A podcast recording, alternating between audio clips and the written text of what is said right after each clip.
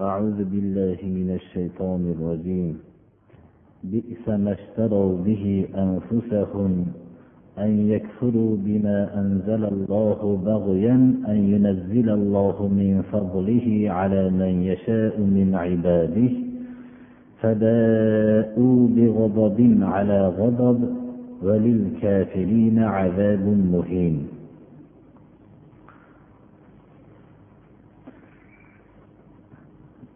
Yuqorida bani isroil o'zi orzumand bo'lib kutgan haqiqat kelgandan keyin kofir bo'lganligini alloh subhanahu va taolo malomat qilgan oyatni tafsir qilgan edik. Va bunday o'zi kutgan haqiqat kelgandan keyin bu haqiqatni aniq haq ekanligini bilishganlaridan keyin kofir bo'lganligiga allohni la'nati bo'lsin degan oyatni biz tafsir qilib tamomlagan edik. Alloh subhanahu va taolo bu oyatda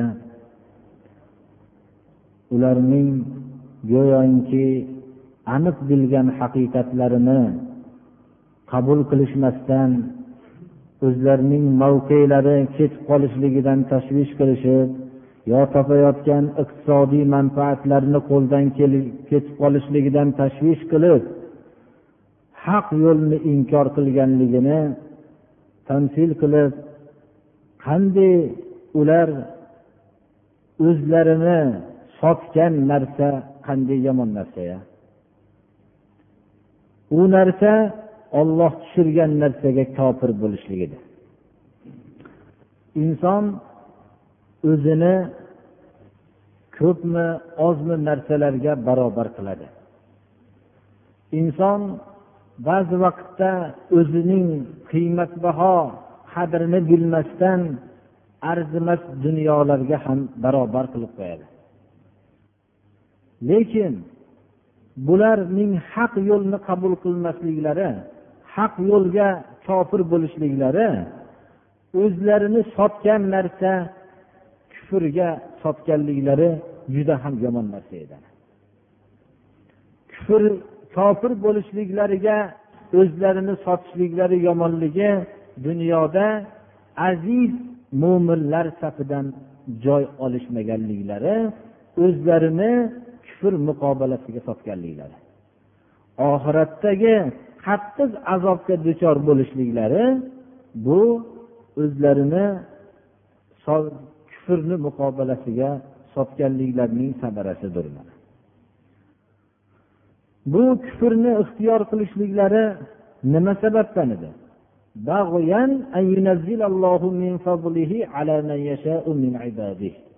Hasad qilganliklaridan edi. Alloh subhanahu va taolo o'zining fazli bo'lgan vahiyni xohlagan bandasiga tushirganligiga hasad qilishgan edi.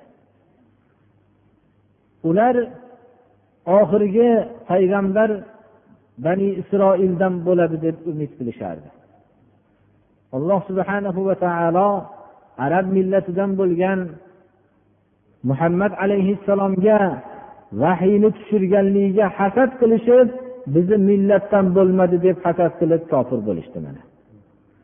Lekin muhammad alayhissalomni barhaq payg'ambar ekanliklarini bilishardi ana. Hasad sababli olloh o'zini fazlini xohlagan bandasiga tushirganligiga hasad qilganliklaridan o'zlarini sotgan narsa bo'lgan kufr qanday yomon narsa bo'ldi deyapti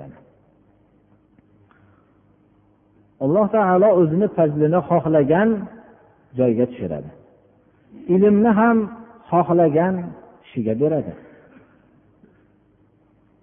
Ba'zi xonadonlar ilm bilan kelayotgan bo'lsa ilm uzilib qolinishligi ba'zi xonadonlarda ilm yo'q bo'lgan bo'lsa bu xonadonga ilmni shariat ilmini tushishligi bu ollohni fazli bu. Bunga hech bir hasad qilishlikka yo'l yo'q. Hasad sababli ochiq haqiqatni inkor qilib qo'yishlikdan olloh saqlasin ana bular hasad qilganliklari sababli g'azab ustiga g'azab bilan qaytishdi.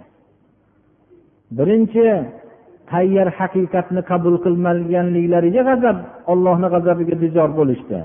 Hasad qilganliklariga yana bir bor g'azabga duchor bo'lishdi bunday ollohni yo'lini haq ekanligini bilib inkor qilgan kofirlarga qiyomat kunida xorlovchi azob ham bordir dunyodagi sharmandalik bilan qutulishmaydilar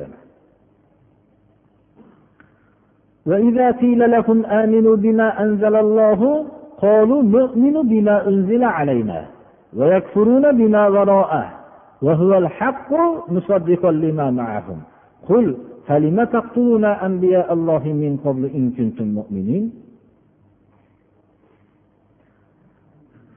agar bu ahli kitoblarga olloh tushirgan qur'onga iymon keltiringlar deb aytilsa ular biz o'zimizga tushirilgan tavrotga iymon keltiramiz deb javob berishadi Shu o'tgan tavrotga iymon keltirishligimiz kifoya qiladi bizga deb e'tiroz bildirishadi. O'zlariga tushirilgan tavrotdan boshqaga bani isroil ya'ni yahudlar nasorolar bo'lsa o'zlariga tushirilgan injildan boshqa narsaga ya'ni qur'onga kofir bo'lishadi. Vaholanki qur'on haq edi haq bo'lib ham ularga tushgan tavrot injillarni tasdiqlovchi bo'lib kelgan edi uni inkor qilib kelmagan edi tasdiqlovchi bo'lib kelgan edi bular qur'onga iymon keltirishlari kerak edi. Lekin ular o'zlarini iymon keltirmaganliklarini bahona qilishadi. Bo'lmasam ular tavrotga ham iymon keltirishmagan tavrotni hukmlarini qabul qilishmagan tavrotni olib kelgan muso alayhissalom va o'tgan payg'ambarlarni hammalarini quvg'in qilib quvib yurishgan. Ayting ey muhammad alayhissalom deyapti alloh taolo qul qur'onga iymon keltiringlar deyilsa bizni o'zimizga tushirilgan kitoblarga iymon keltiramiz deysizlar. Unday bo'lsa ollohni ilgarigi payg'ambarlarini nima uchun o'ldirdinglar nima uchun o'ldirishlikka harakat qilardinglar agar iymoninglarda sodiq bo'lsanglar.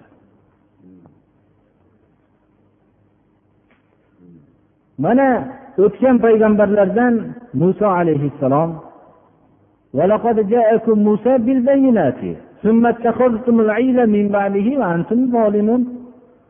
muso alayhissalom sizlarga ochiq hujjatlarni olib keldi. Sizlar bu ochiq hujjatlarni olib kelgan muso alayhissalomni yo'liga iymon keltirishlikdan bosh tortdinglar bosh tortdinglar. Tur tog'iga ketganlaridan keyin sizlar bo'zakni ma'bud qilib oldinglar. Mana somiriy degan sehrgar fir'avn odamlaridan ayollaridan yig'ishtirib olgan butun taqinchoqlardan hammasidan bir bo'zoq yasab bungadan bir ovoz chiqargandan keyin muso alayhissalom tur tog'iga munojotga ketganlarida mana sizlarni va musoni xudosi shu shunga ibodat qilinglar deganda shu yasalgan buzoqqa ibodat qilishdi sizlar muso alayhissalom tur tog'iga munojotga ketgandan keyin shu buzoqqa ibodat qilib ma'bud qilib oldinglar bu ishinglar bilan o'zinglarga zulm qilgan kishilardan bo'ldinglar qani sizlar o'zinglarga tushirilgan narsaga iymon keltirganinglar qur'onga iymon keltiringlar deyilsa biz o'zimizga tushirilgan narsaga iymon keltiramiz deysizlar وإذ أخذنا ميثاقكم ورفعنا فوقكم الطور خذوا ما آتيناكم بقوة واسمعوا قالوا سمعنا وعصينا وأشربوا في قلوبهم العجل بكفرهم قل بئس ما يأمركم به إيمانكم إن كنتم مؤمنين alloh taolo bani isroilga yana ahdi paymonlarini esga olishlikka buyruq qilyapti eslang ey bani isroil biz sizlarning ahdi paymoninglarni olgan edik va bu ahdi paymonni jiddiy ishlatishlik uchun ustiylariga tur tog'ini ko'targan edik. Tur tog'ini alloh taolo bani isroilni ustiga jibril alayhissalom vositasi bilan ko'tarishlikka buyruq qildi. Jibril alayhissalom tur tog'ini ko'tarib sizlarga bergan ahdimizni jiddiylik bilan ushlanglar deb buyurdi alloh taolo. Quloq solinglar. Ollohni hukmlariga deb buyruq qildi. Shunda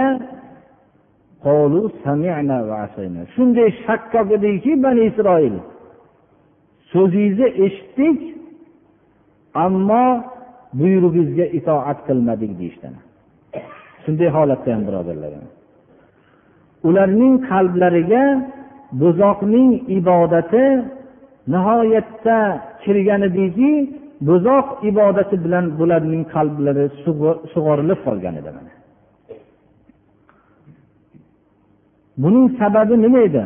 Ular ollohni yo'liga kofir bo'lganliklari sababli buzoqqa ibodat qilishlik qalblariga shunday muhabbati tushib qolgan edi kofir bo'lgan odamlarning qalbiga iymon xayr hisoblanadi birodarlar shumi sizlarni iymoninglar shu iymoninglar buzoqqa ibodat qilishlikka buyuryaptimi? Ayting ey muhammad alayhissalom. Iymoninglar shu bo'lsa iymoninglar buyurgan bu narsa ya'ni buzoqqa ibodat qilishlik qanday bir yomon narsaki agar sizlar iymon keltirgan kishilardan bo'lsanglar. Shu buzoqqa ibodat qilishlikka iymon keltirgan kishilardan bo'lsanglar iymoniylar buyurgan narsa juda ham bir yomon narsa ekan. Hech qanday foydayu zarar yetkazolmaydigan narsaga ibodat qilishliginglar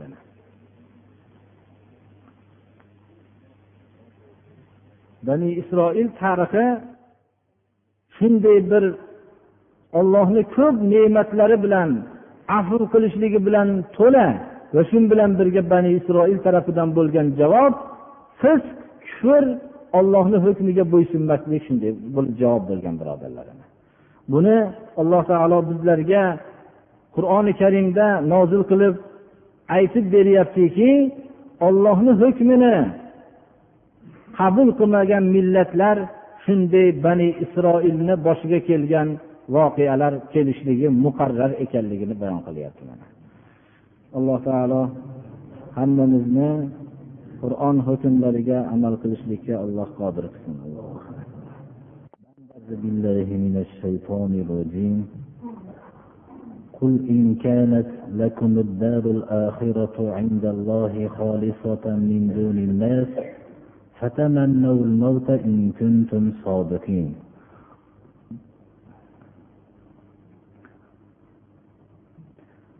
ahli kitoblar xalqlar o'rtasiga juda katta bir da'volarni tarqatishardi. Bu da'volar jumlasidan o'zlarining ollohni ulug' bandalarimiz deb tarqatishardi. Faqat hidoyatlangan kishilar bizlarginamiz deyishardi. Va hatto da'volari shu darajaga borgan ediki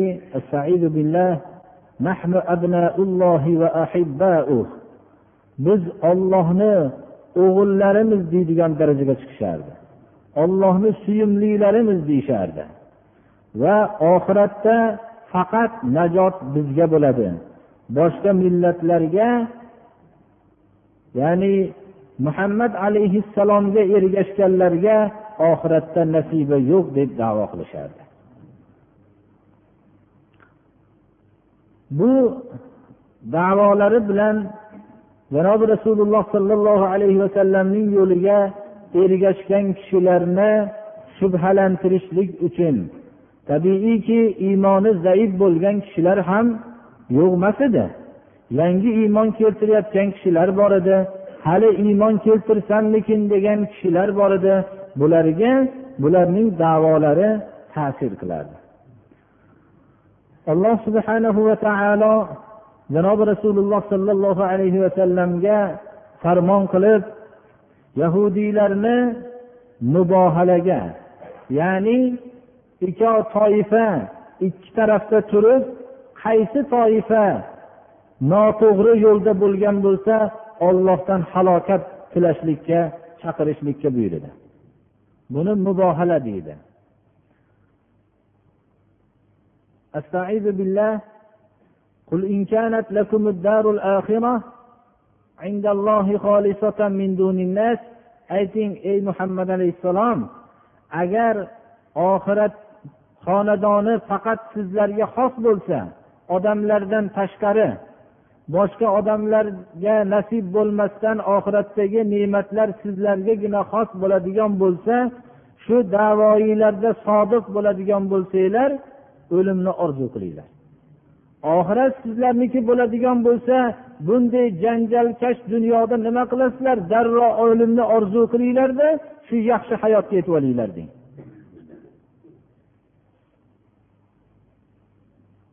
Bular mubohalaga janobi rasululloh sollallohu alayhi vasallam chaqirganlarida payg'ambarimiz sollallohu alayhi vasallam hazrati ali fotimatu zahro imom hasan imom husayn va boshqa sahobalar bilan birga bordilar. Ular mubohala maydoniga kelishmadilar. Chunki ular o'zlarining bu davolarni yolg'onligini boshqalardan ko'ra o'zlari yaxshiroq bilishardi. Alloh taolo ularni hargiz o'limni orzu qilmasligini bayon qilib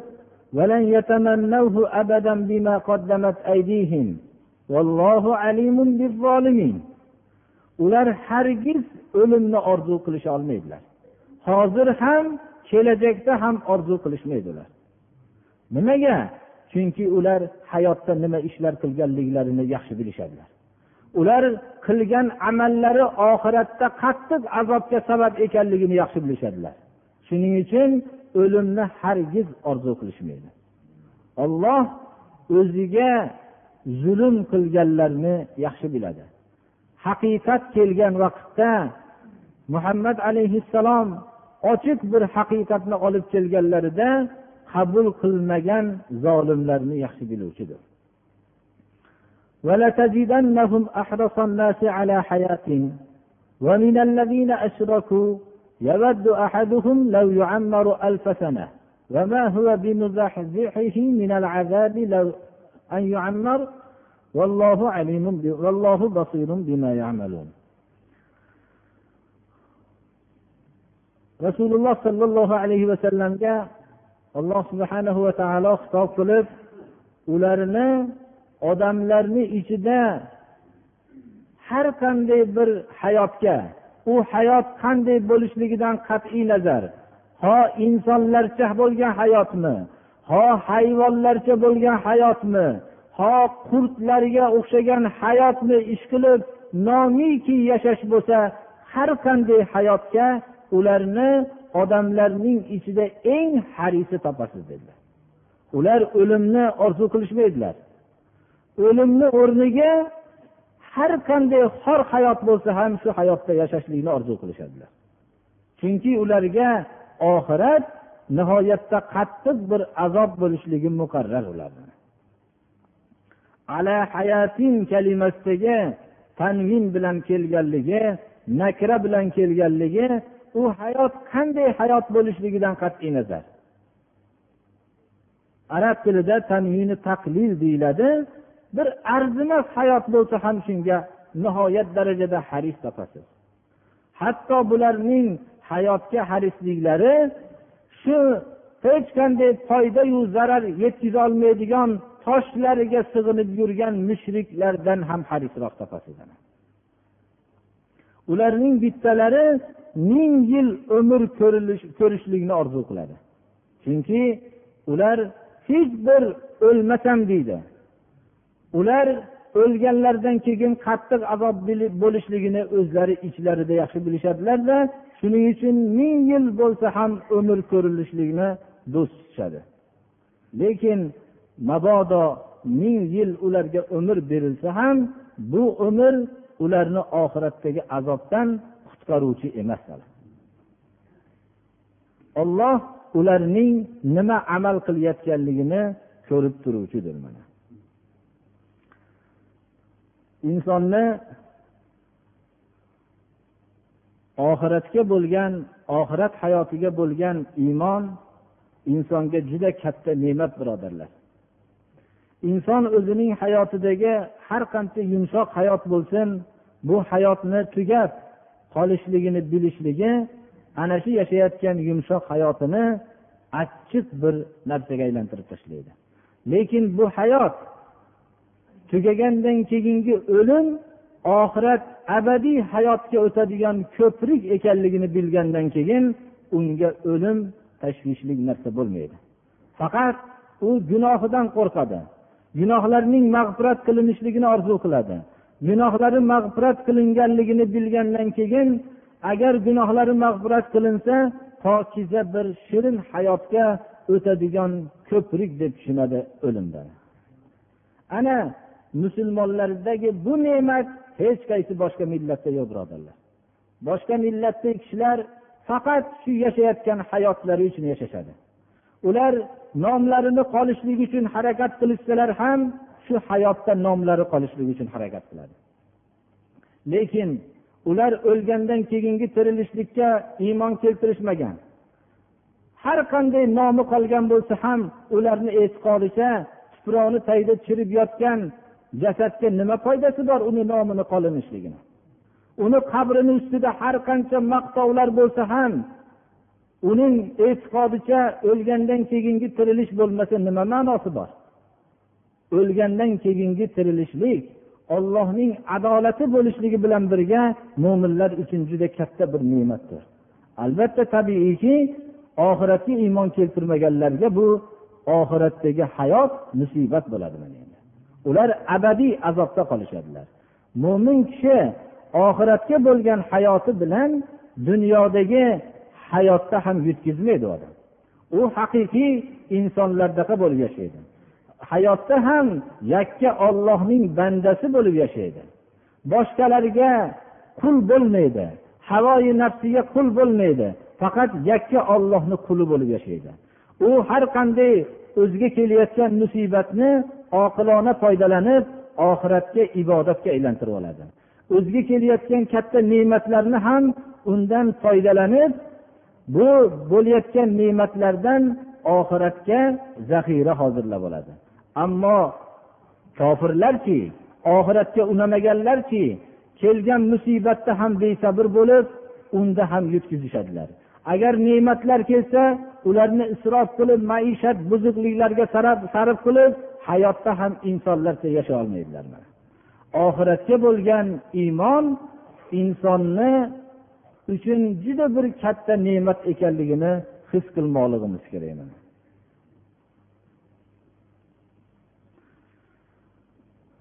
alloh taolo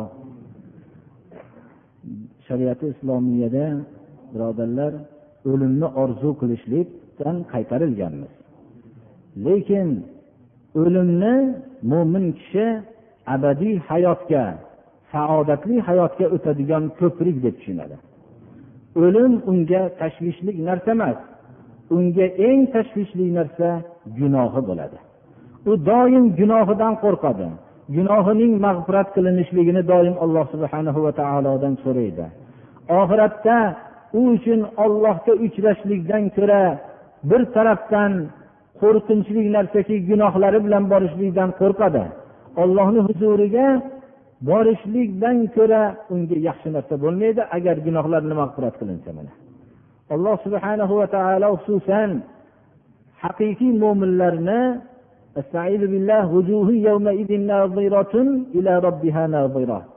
bu qiyomat kunida ba'zi yuzlar nihoyatda go'zal bir holatdaki rabbiga qarab turgan holatda deyiladi. Mana bu ollohni jamoliga musharrab bo'lishlikni uchun mo'min odam uchun bundan katta bir saodat yo'q mana. Ana bu hayotni bilgandan keyin mo'min odam o'zining hayotida nihoyatda uchraydigan rabbining hukmiga muvofiq yashashlikka tirishadi mana. Ana bundan keyin o'lim unga qo'rqinchli narsa bo'lmaydi. Holid ibn valid dushmanlar oldiga o'zlarining askarlarini olib borganlarida xat yozgan ekanlarki iymon qabul qilinglar. Bo'lmasam itoat qilinglar. Bo'lmasam shunday kishilarni men olib turibmanki bular sizlar hayotni qancha yaxshi ko'rsanglar olloh yo'lida o'lishlikni shuncha orzu qiladigan kishilar bilan turibman degan ekanlar. Mana mo'min kishilar o'zlarining shu qalblarida unday o'limni orzu qilishmaydilar lekin ollohni yo'lida ketishlikni orzu qilishlikdan biz qaytarilgan emasmiz اهدنا الصراط المستقيم صراط الذين أنعمت عليهم غير المغضوب عليهم ولا الضالين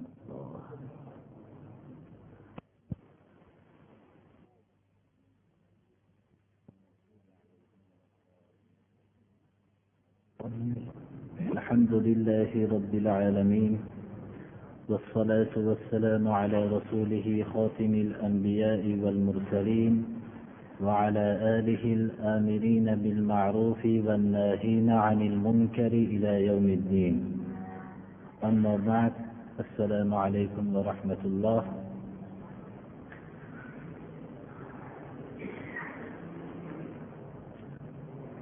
qur'oni karimdan darsimizni bu hafta peshin vaqtlardan keyin davom ettirgan bo'ldik ozroqdan bo'lsa ham davom ettiryapmiz hozir sura baqaraning astaizu billah قل من كان عدوا لجبريل فإنه نزله على قلبك shu oyatiga kelib to'xtadik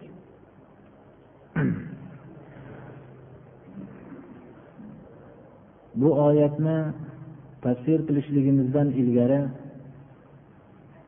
sababi nuzuli haqida yahudiylar janobi rasululloh sollallohu alayhi vasallamning huzurlariga kelishib vahiyni kim olib kelayotganligi haqida savol qilishdilar. Vahiyni jibril alayhissalom olib kelayotganliklarini bayon qilishganlaridan keyin ularning adovatlari payg'ambarimiz sollallohu alayhi vasallamdan o'tib jibril alayhissalomga ham bog'landi. Ular o'zlarining nodonliklarini ifodalashib agar mikoil alayhissalom olib kelganda biz sizga iymon keltirgan bo'lardik deyishdi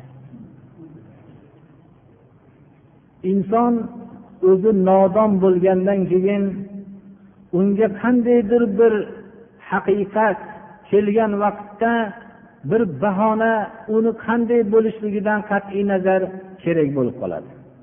U bahona agarki uning nodonligini yana ham isbotlaydigan bo'lsa ham uni aytishlikdan hasad adovat orqasidan uyalmaydi birodarlar.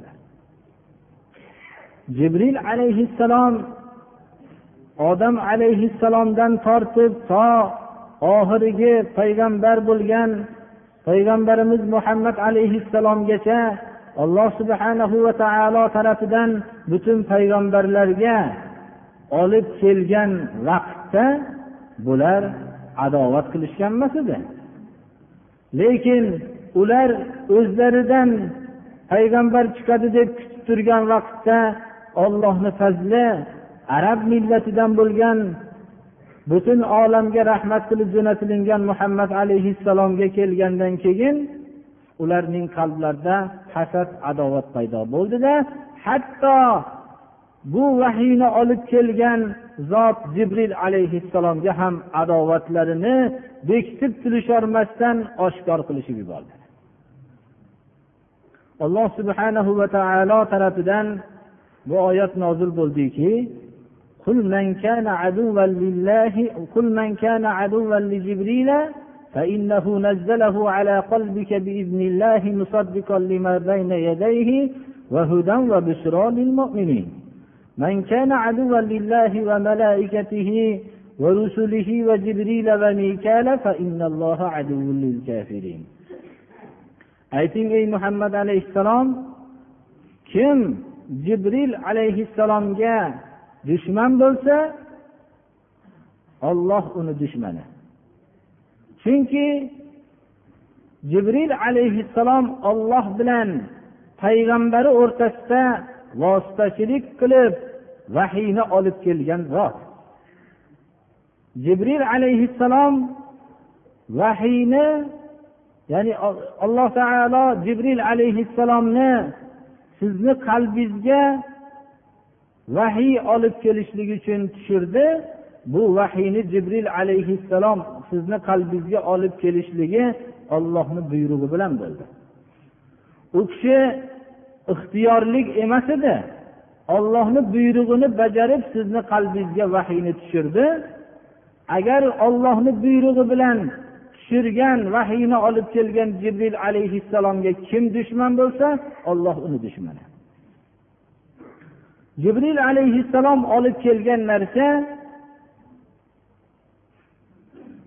o'zlaridan bu qur'ondan ilgari bo'lgan kitoblarni tasdiqlovchi narsani olib keldilar va hidoyatni olib keldilar va xursandlik xabari mujda olib keldilar. Lekin bu qur'oni karimning hidoyat bo'lishligi kimlarga? Kimlarga xursandlik xabari? Faqat mo'minlargadir ollohni yo'liga iymon keltirib ishongan kishilargagina hidoyat va xursandlik xabaridir. Boshqalarga qur'oni karimdagi vaidlar iymon keltirmagan kishilarning oxiratdagi azoblarini eshitishlik ularga xursandlik xabari bo'lmaydi birodar. Qur'oni karimda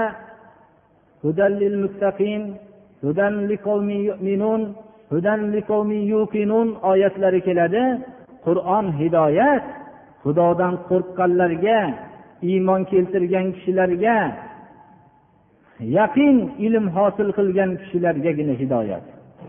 Qur'on bilan kechasiyu kunduzi shug'ullanib qur'onga qarshi so'zlarni aytayotgan o'zlarini faylasuf deb sanagan odamlar son sanoqsiz birodarlar ularga qur'on hidoyat bo'lmaydi chunki qur'onni ular olloh tarafidan nozil bo'lgan kitob deb tilovat qilishmaydilar shuning uchun qur'onni o'qib qur'onni amalini hayotda qilmayotgan kishilarga ajablanmaslik kerak birodarlar. Chunki qur'on haqiqiy qalb bilan iymon sifati bilan taqvo sifati bilan o'qigan kishilargagina hidoyat bo'ladi bo'lmasam qur'on bilan butun soxta martabalarni qo'lga keltirish yo moli davlat ko'paytirishlikka xizmat qilaveradi birodarlarim. Qur'on hukmlarini qur'on man qilingan o'rinlarda o'qib yurilgan yurgan kishilar mana shunday qur'on ularga hidoyat bo'lmagan kishilarni jumlasidandir birodarlar shuning uchun doim shuni bilishimiz kerakki mana boshqa surai bani isroilda ham وننزل من القرآن ما هو شفاء ورحمة للمؤمنين ولا يزيد الظالمين إلا خسارا qur'onni qur'ondan biz shunday shifo rahmat bo'luvchi oyatlarni tushiramiz? Kimlarga bu? Rahmat shifo bo'lishligi mo'minlarga zolimlarga qur'on ziyondan boshqa narsani ko'paytirmaydi ba'zi kishilar borki agar qur'ondan bexabar bo'lganda mubolag'a qo'pol qilib bo'lsa ham aytamiz sof insonlar bo'lib yashashligi mumkin bo'lardi. Qur'onni noto'g'ri maqsadlarda ishlatganligi uchun shu qur'on bilan butun odamlar zalolat nohaq ishlarni qilib yurishligi qur'onning ochiq qalb bilan o'rganmaganligini belgisi birodarlar qur'on haqiqiy iymon sifatidagi kishilarga taqvo sifatidagi kishilarga ilmi yaqin hosil qilgan kishilargagina hidoyat bo'ladi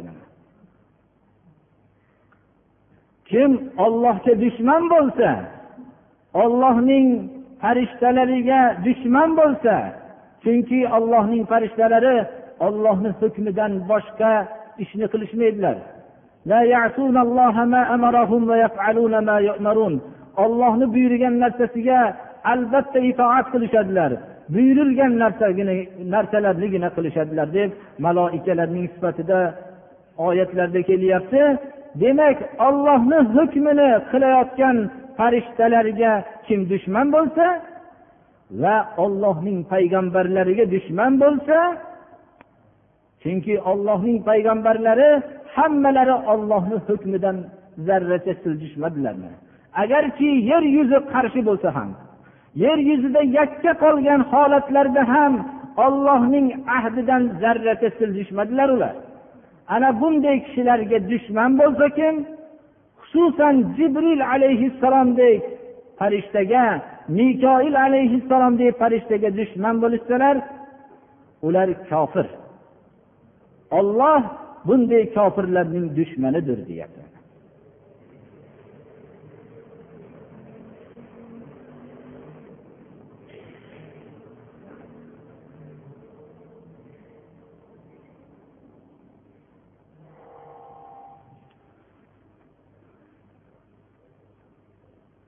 أنزلنا إليك آيات بينات وما يكفر بها إلا الفاسقون أو كلما عاهدوا عهدا نبذه فريق منهم بل أكثرهم لا يؤمنون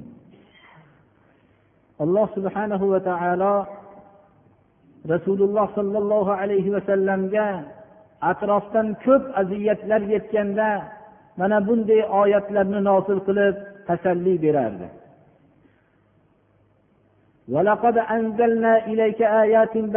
Kalimasi arab tilini bilgan kishilar mana qasam bilan aytilayotganligini tushunishib turibdilar qasam bilan alloh subhanahu va taolo aytyaptiki ey muhammad alayhissalom biz sizlarga biz sizga sizning haqiqiy payg'ambarligingizga ochiq dalolat qiluvchi oyatlarni tushirdik. Bu oyatlarga kofir bo'layotgan kishilar fosiqlar ya'ni ollohni hukmidan tashqariga chiqqan kishilargina kofir bo'ladi. Bu yahudiylarning kufridan g'amgin bo'lmang. Ular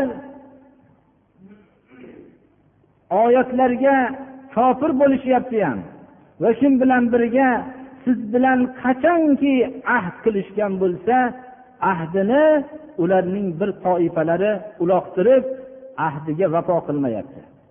Ular shu kufrlarda davom etishaveradimi?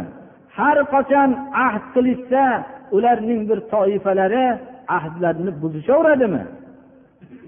Ularning kofir bo'lishligi ahdlarning buzishligining sababi boshqa sabab emas. Balki ularning ko'pchiligi iymon sifatidan mahrumdir. Shuning uchun shunday yomon sifatga yomon axloqqa giriftor bo'lishganlar. Ahd bani isroil ustida juda jiddiy olindi. Mana yuqorida oyatlarda aytdik hatto ahdga vafo qilasizlarmi? Ahdni mahkam ushlanglar deb tog'ni ustilariga olib kelinganligini ham bayon qilindi mana. Shundan keyin ham ahdlarni buzishdilar. Ahdni buzishlik bani isroilga tabiat bo'lib ketgan edi. Oxirgi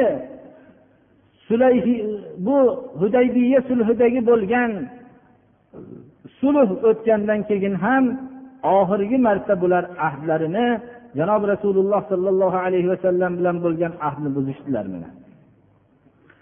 Ahdga vafodorlik musulmonlarning eng bir ko'zga tashlangan sifatlari payg'ambarimiz sollallohu alayhi vasallamdan mana rivoyat qilingan imom ahmad o'zlarining masnadlarida olib kelganlar المسلمون تتكافأ دماؤهم وهم يد على من سواهم يسعى بذمتهم أدناهم musulmonlarning qonlari barobar ularning katta kichiklari bo'lmaydi agar ularni bittalariga jinoyat qilinsa u har qancha hurmatli kishi bo'lgan bo'lsa ham jinoyat sodir qilingan shaxs har qancha odamlar nazdida e'tiborsiz kishi ustida jinoyat bo'lgan bo'lsa ham undan qisos olinaveradi.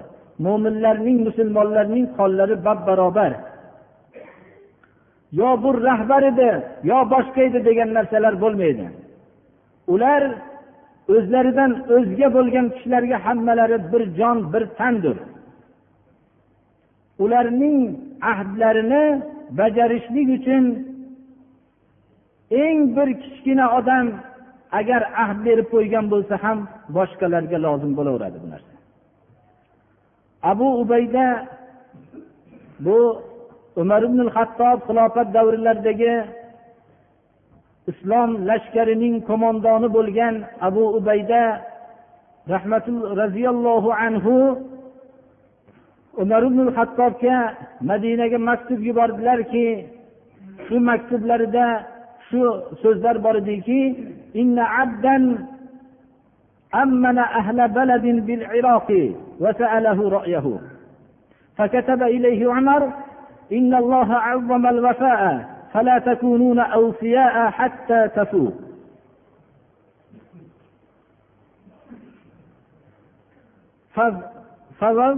فغفوا لهم وانصرفوا عنهم abu ubayda maktublarda umar ibn hattobga shu xatni yozdilarki bir qul qo'l ostimda turgan lashkarlar ichida qul bo'lgan odam iroqdagi bir viloyat ahlini sizlarga xotirjamlik hech kim zarar yetkazmaydi deb omonlik berib qo'yibdi. Bular islomga ko'p zarar yetkazgan xalqlar edi. Shularni haqida nima fikringiz bor? Qo'l ostimdagi lashkarlar ichidagi bir qul omonlik berib qo'yibdi sizlarga zarar yetkazilmaydi. Deb deganlarida umar ibn hattob maktub yozgan ekanlarki alloh subhanahu va taolo vafoni juda ulug'ladi. Sizlar vafo qilmaguninglarcha vafodor hisoblanmaysizlar. Shu qulning bergan ahdiga vafo qilinglar degan ekanlar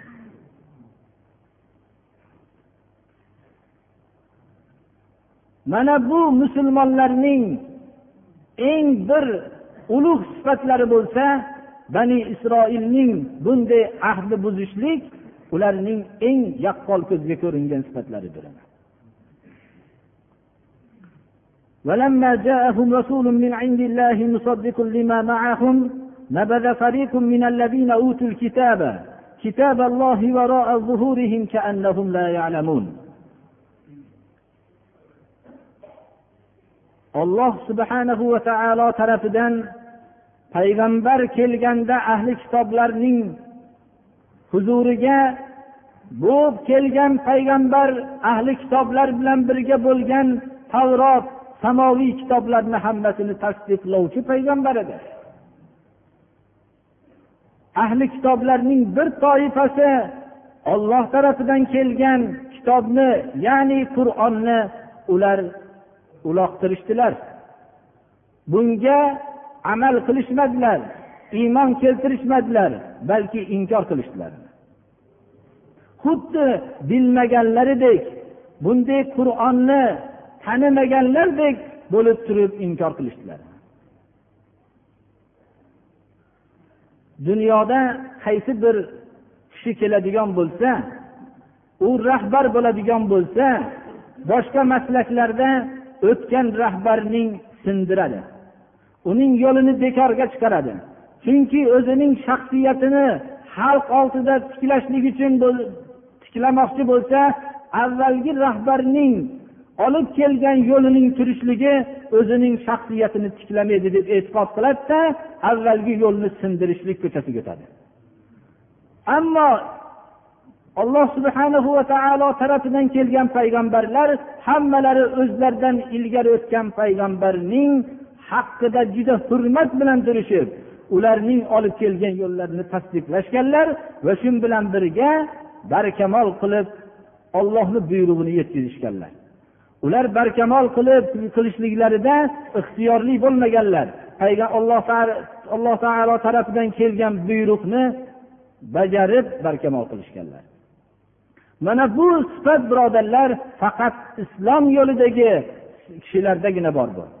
Payg'ambarlarning biz o'tgan payg'ambarlarning olib kelgan yo'lini tasdiqlovchi degan so'zni tushunishligimiz uchun olamdagi hamma maslaklarga bir nazar tashlasak qaysi bir maslakni olib kelgan odam bo'lsa avvalgisini sindirib kelgan birodarlar. Musulmonlar ham muso alayhissalomni nomlariga olishsalar hurmat bilan tilga olishadilar. Olloh bilan bevosita gaplashgan ollohning kalimi bo'lgan muso alayhissalom deb hurmat bilan tilga olishadilar. Iso alayhissalomni ham hurmat bilan tilga olamiz. Hatto bizni e'tiqodimizda bizni dinimizda o'tgan payg'ambarlarning bittasini inkor qilishlik kufr hisoblanadi birodarlar. Bu yo'l faqat islom yo'lini o'zidagina topilgan birodarlar. Boshqa odamlar tarafidan qurilgan yo'llarda bu sifat yo'q birodarlar. Ho'p ahli kitoblar shunday qur'onni tashlashib bundan yaxshiroq narsani topishdimi bundan yaxshiroq narsaga ergashishdimi yo'q ular juda ham tuch bo'lgan narsaga ergashishdi endi وما كفر سليمان ولكن الشياطين كفروا يعلمون الناس السحر ular alloh subhanahu va taolo tarafidan kelgan shunday ulug' muqaddas qur'onni tashlashib jinlar shaytonlar sulaymon alayhissalomning davrida odamlarga o'qib bergan sehrga taalluqli bo'lgan narsalarga ergashib ketishdi. Va shu bilan birga sulaymon alayhissalom sehr qilgan deb u kishining haqlariga bo'xton qilishdi. Alloh subhanahu va taolo buni rad qilib sehrning kufr ekanligini bayon qilib sulaymon? Alayhissalom kofir bo'lgan emas u kishi sehr bilan shug'ullanadi. Deganligi sehrning kufr ekanligini belgisidir birodarlar. Lekin shayton jinlar ana shaytonlar kofir bo'lgan edi. Sehr bilan shug'ullanishib. Ularning kofir bo'lishlarining belgisi odamlarga sehr ta'lim berishardi.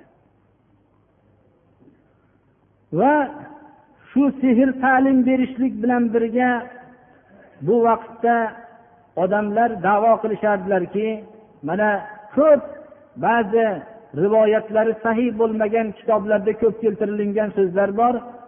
Bobil shahriga horut bilan morut ismli ikki farishta shu yerda bo'lgan lekin asli bor. Bu rivoyatlarga qo'shib tashlangan narsalar borki bu kishi ikkovlariga olloh tarafidan sehr nozil qilingan degan davolar bor. Alloh subhanahu va taolo mana bu oyatda rad qilib bobil shahrida horut va morut ismli ikki farishtaga sehr nozil qilingan emas deyilyapti shundan biz bilamizki bobil shahrida horut bilan morut ismli ikki farishtani alloh taolo tushirgan lekin ularga sehrni bu vahiy qilib tushirgan emas buni. Mana bu tarafini inkor qilinyapti. Bular horut bilan morut ismli ikki farishta bobil shahrida o'zlarining imtihon uchun odamlar o'rtasida yashayotganligini e'lon qilishdilar. Ikkovlari oldilariga kelib sehrni talab qilib o'rganishlikni talab qilgan kishilarga o'zlarining imtihon uchun bu yerda turganliklarini e'lon qilishardi. Mana bu oyat shunga dalolat qiladiki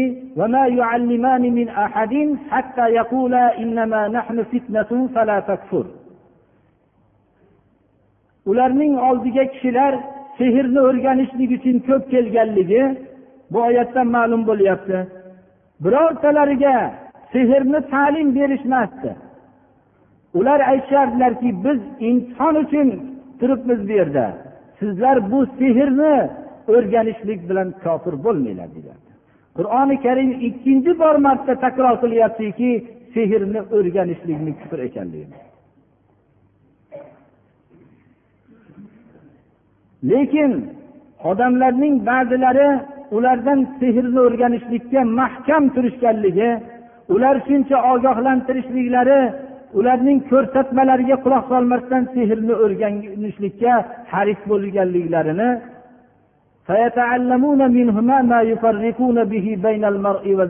oyati shuni ko'rsatadi. Ana ular qattiq turib talab qilishganlaridan keyin horut va morut ismli ikki farishtadan er bilan ayolni o'rtasini judo qiladigan narsalarni o'rganishardi. Ular bir yomon narsalarni o'rganishardi sehr bilan. Sehr bilan odamlarni o'zi sehrni o'rganishlik o'zi kufr ediyu shu bilan bo'lsa ham odamlarni bir biriga do'st qilishadigan narsani o'rganishmasdi. Er bilan ayolni judo qiladigan narsalarni o'rganishardi. Bu savol tushadiki ikkov farishtadan horut bilan morut ismli ikki farishtadan sehrni bular bilishligi bu ulardan buni o'rganishligi qanday tushunsak bo'ladi degan savol tug'iladi. Birodarlar imtihon deb nimani aytamiz? Bir narsani yemang deyishlik uchun shu narsa o'zi bo'lsagina imtihon bo'ladi. Masalan to'ng'iz go'shtini yemang ichimlik mast qiladigan ichimliklarni ichmang deyilsa inson dunyoda imtihon bo'lsa mast qiladigan ichimlik dunyoda bo'lsagina imtihon bo'ladi. To'ng'iz go'shti bo'lsa ine yemang degan narsaning ma'nosi bo'lib imtihon bo'ladi. Ba'zi odamlar bu harom narsalar nima uchun yaratilgan ekan deydi. Bu e, avvalo alloh subhanahu va taoloning ulug'iyatiga beadablik bu. Undan tashqari hayotda inson nima uchun yaratilganligini bilmaslikdir. Yemang ichmang degan narsalar ana shu qaytarilgan narsalar dunyoda bo'lgandagina imtihon ma'nosi vujudga keladi. Ana shunga o'xshagan sehrni o'rganishlik kufr deyilsa sehr aslida o'zi bo'lmasa bu gapning ma'nosi bo'lmaydi albatta. Sehrni o'rganmang deyishlik sehr o'rgatadigan odam dunyoda bo'lgandagina uning o'rganmang degan narsadan o'rganmasdan saqlaganlar ajrlanadi va o'rganmang degan gapga quloq solmasdan o'rganganlar gunohkor bo'lib hatto kufr darajasiga chiqishligi shundagina vujudga keladi. Ana biz bu narsani tushunib olishligimiz uchun mana imtihon uchun yaratilingan shaxs ekanligimizni esdan chiqarmasligimiz kerak. Bo'lib ham bular er bilan ayolning o'rtasini judo qiladigan narsalarni o'rganishardi. Islomiy tasavvur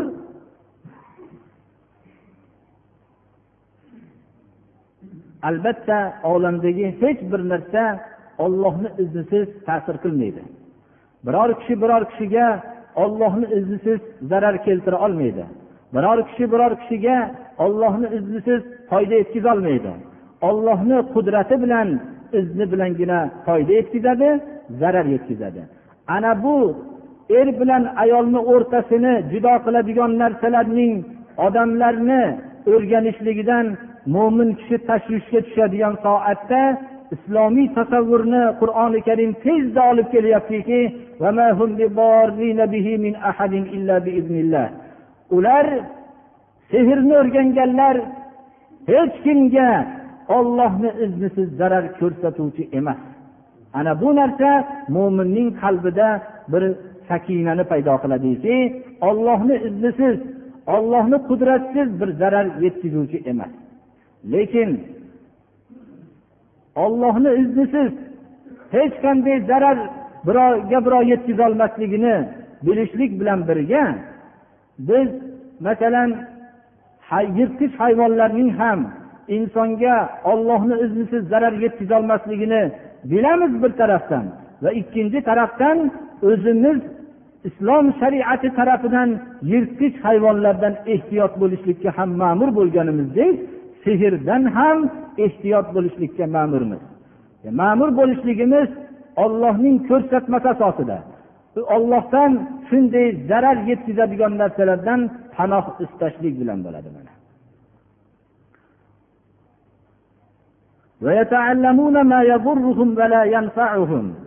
odamlar o'zlariga zarar ko'rsatadigan narsalarni o'rganishardi. Foyda yetkazadigan narsalarni o'rganishmasdi.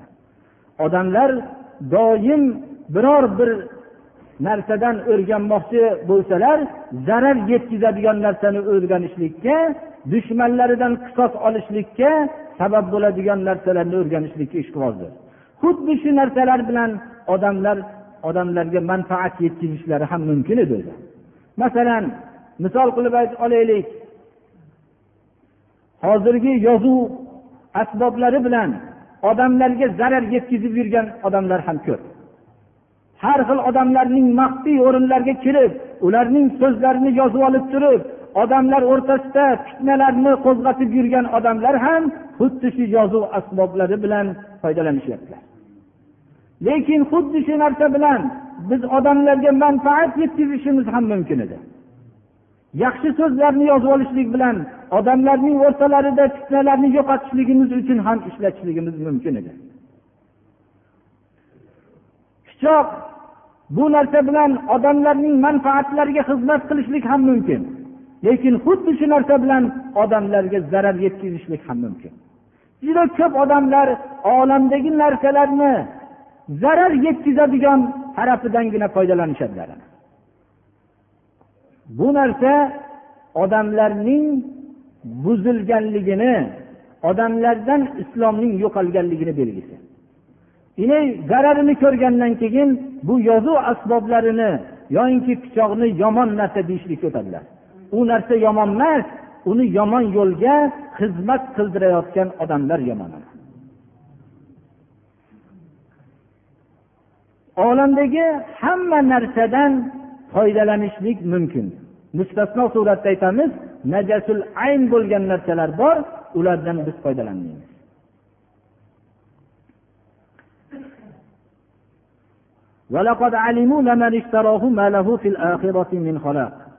Ular aniq bilishganki o'zlari bu sotib olgan narsa ya'ni yomon narsalarni o'rganganligi kim bu ishni qilgan bo'lsa oxiratda hech qanday bularga ulush yo'q ekanligini qat'an bilishgan edi bular. Payg'ambarlar vositasi bilan kelgan ta'limotlar bilan o'rganishgan edi. Qanday bular yomon narsa qilishdilar? Qanday yomon narsani muqobalasiga o'zlarini sotishdilar? Go'yoki hayotni sotish inson o'zini sotishday gap hayot olloh tarafidan berilingan ko'p qiymatli narsa edi. Bu bilan juda katta abadiy saodatni sotib olishlari kerak edi. Endi bular o'zlarini sotishdilar nimani muqobilasiga yomonlik muqobalasiga. Odamlarni o'rtasida fitnalarni qo'zg'ashlikka er bilan ayollarni ajratib tashlaydigan narsalarni o'rganishlik muqobalasiga hayotlarini balki o'zlarini sotishdilar. O'zlarini sotgan narsa bu olgan narsalari qanday yomon narsa bo'ldi. Agar buni bilishganlarida edi buni dunyoda bilishmayaptilar. Lekin yaqin kelajakda bilishadilar. Shunga o'xshagan o'zlarini hayotlarida juda katta bir insonlarga manfaat yetkazishligi mumkin edi. Ular maxfiy o'rinlarga odamlarning o'rtasidagi haqiqat so'zlarini o'zgartirib olib borgan bu kishilar hayotlarini boy bergan kishilar birodarlar. Mana bu shu hayot bilan yaxshilashtirib odamlarni hayotlarida shunday yaxshi ko'p ishlarni qilishlari ham mumkin edi shu odamlarni agar ular iymon keltirishganlarida iymon farmoniga bo'ysunib va taqov taqvo qilishganlarida olloh tarafidan ko'p yaxshi jazolar bo'lgan bo'lardi. Olloh tarafidan beriladigan savob yaxshi jazo bu yaxshi edi agar bu narsani bilishganlarida edi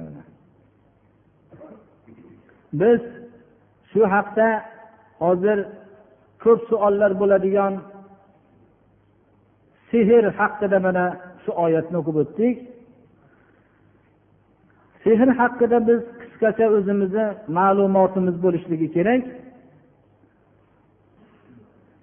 Sehrning haqidagi fikrlarimiz qanday bo'lmoqligi kerak? Mana shu narsada biz ravshan bir ma'lumotga ega bo'lishimiz kerak. Shu oyatlardan bizga ma'lum bo'ladiki sehr bu shaytonni ishi. Buni bilishimiz kerak. Sehrni o'rganishlik kufr.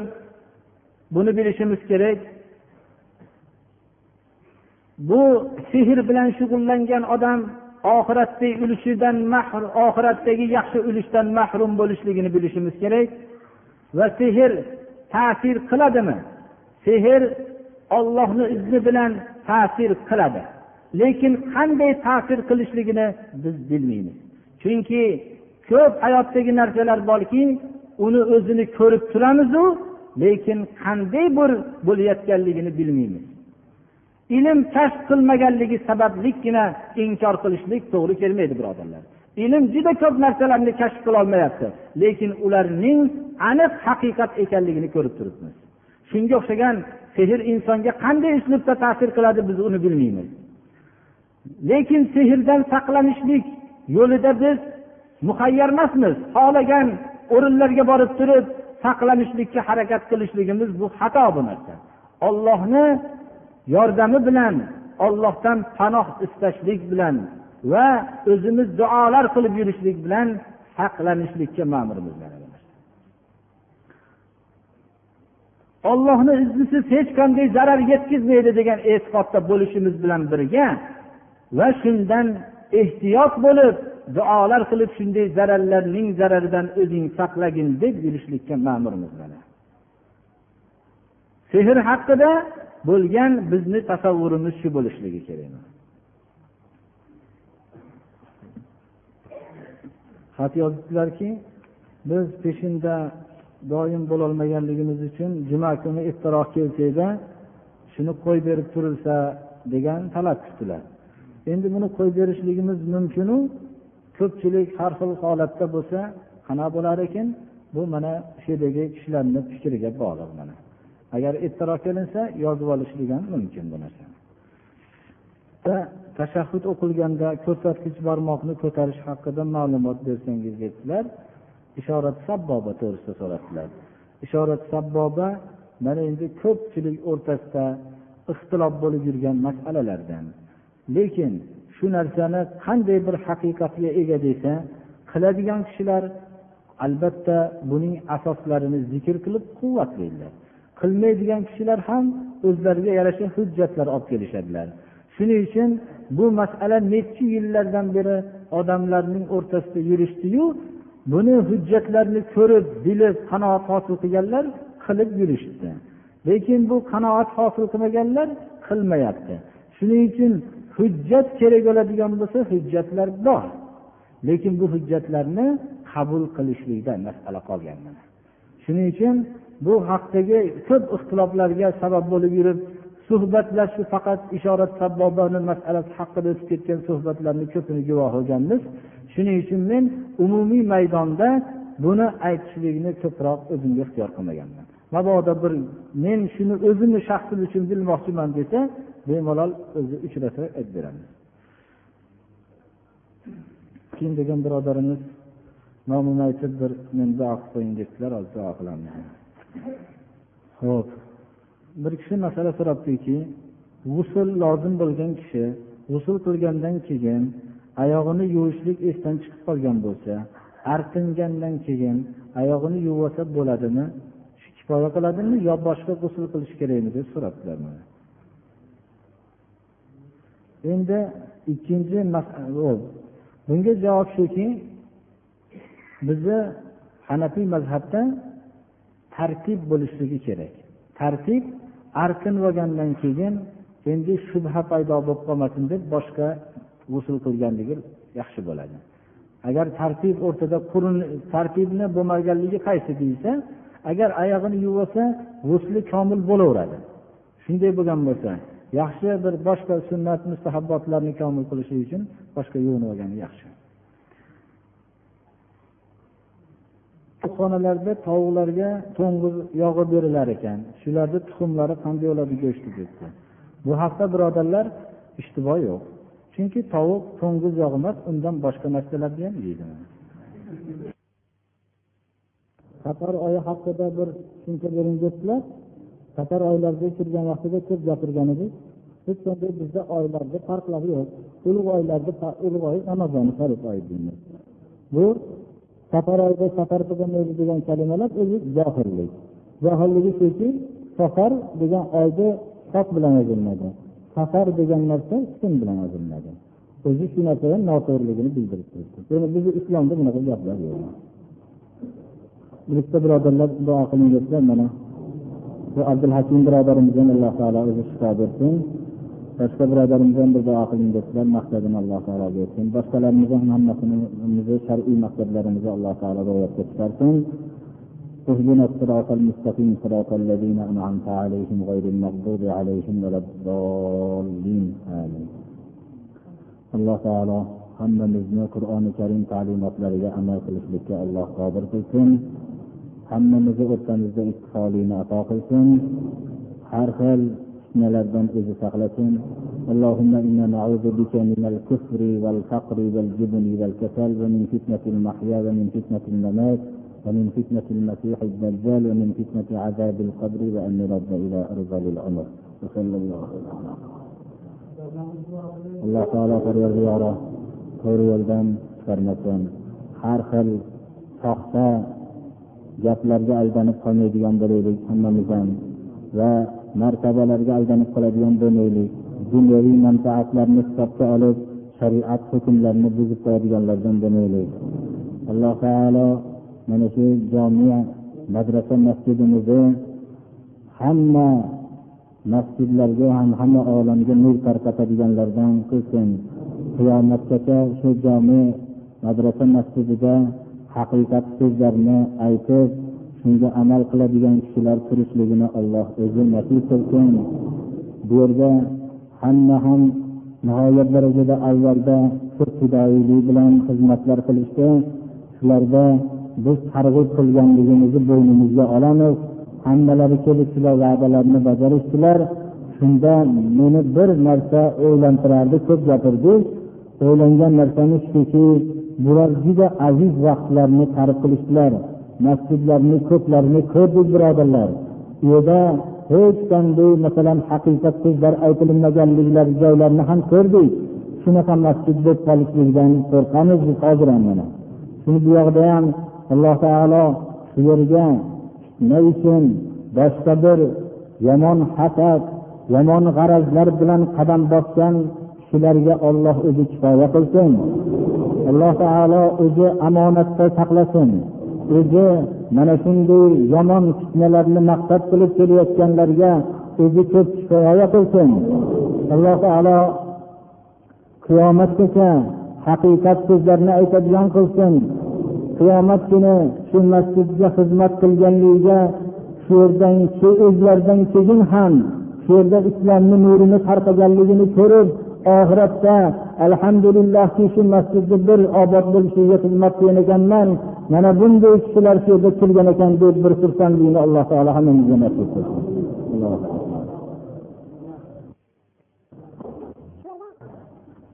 Hech qaysilar ham menga hech qachon suyanmanglar.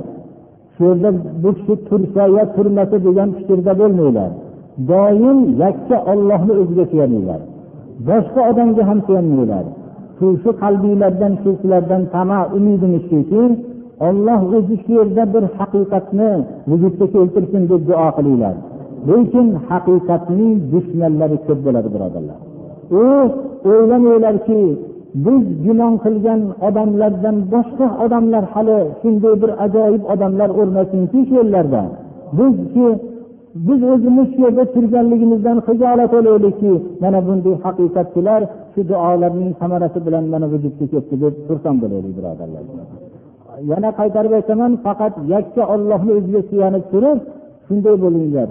Meni yo boshqani boshqalarni hech qanday tushkunlik boshqa narsa sizlarni olmasinki yakka ollohni o'zi madad bersin deb doim shunday deydilar shunday agar shu duoda tursanglar yaxshilikdan ajralmaydi bu yillar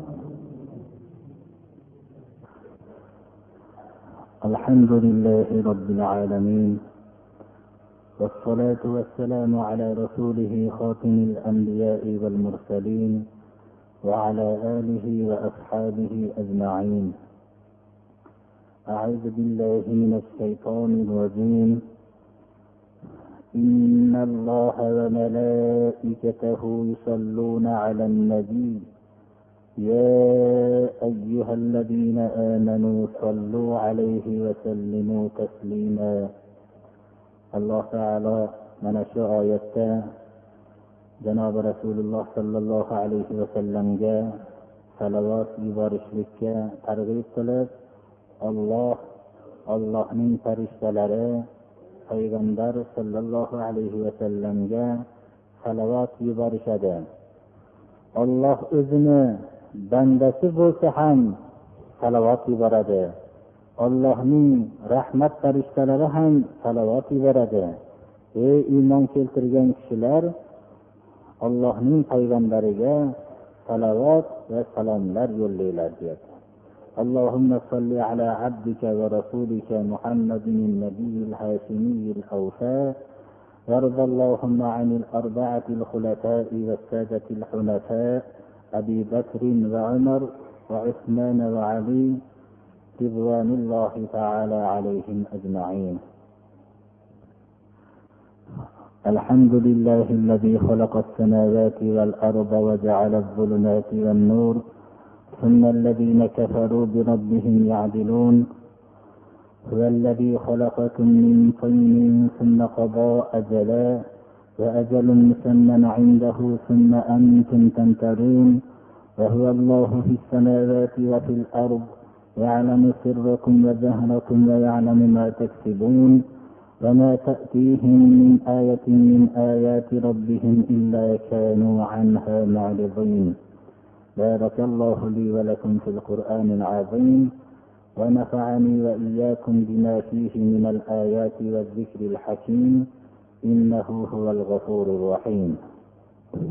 اللهم تقبل منا هذه الصلاة وعف عنا مع جميع المحسنات بفضلك وكرمك يا أكرم الأكرمين ويا أرحم الراحمين. اللهم أعنا على ذكرك وشكرك وحسن عبادتك. اللهم إنا نعوذ بك من الكفر والفقر والجبن والكسل. ومن فتنة المحيا ومن فتنة الممات ومن فتنة المسيح الدجال ومن فتنة عذاب القبر وأن نرد إلى أرذل العمر. اللهم ألف بين قلوب المؤمنين في المشارق والمغارب واجمع كلمتهم اللهم عليك أعداءك أعداء هذا الدين. وصلى الله تعالى على خير خلقه محمد وآله وأصحابه أجمعين الطاهرين الطيبين. وارحمنا واحشرنا معهم. برحمتك يا أرحم الراحمين. اللهم تقبل منا إنك أنت السميع العليم. ربنا اغفر لنا ولإخواننا الذين سبقونا بالإيمان. ولا تجعل في قلوبنا غلا للذين آمنوا. ربنا إنك رؤوف رحيم. الله أكبر. الله تعالى hammalarimizga alloh ibodatimizni qabul qilsin mehmonlarimizga alloh taolo qadamlariga hasanotlar bersin.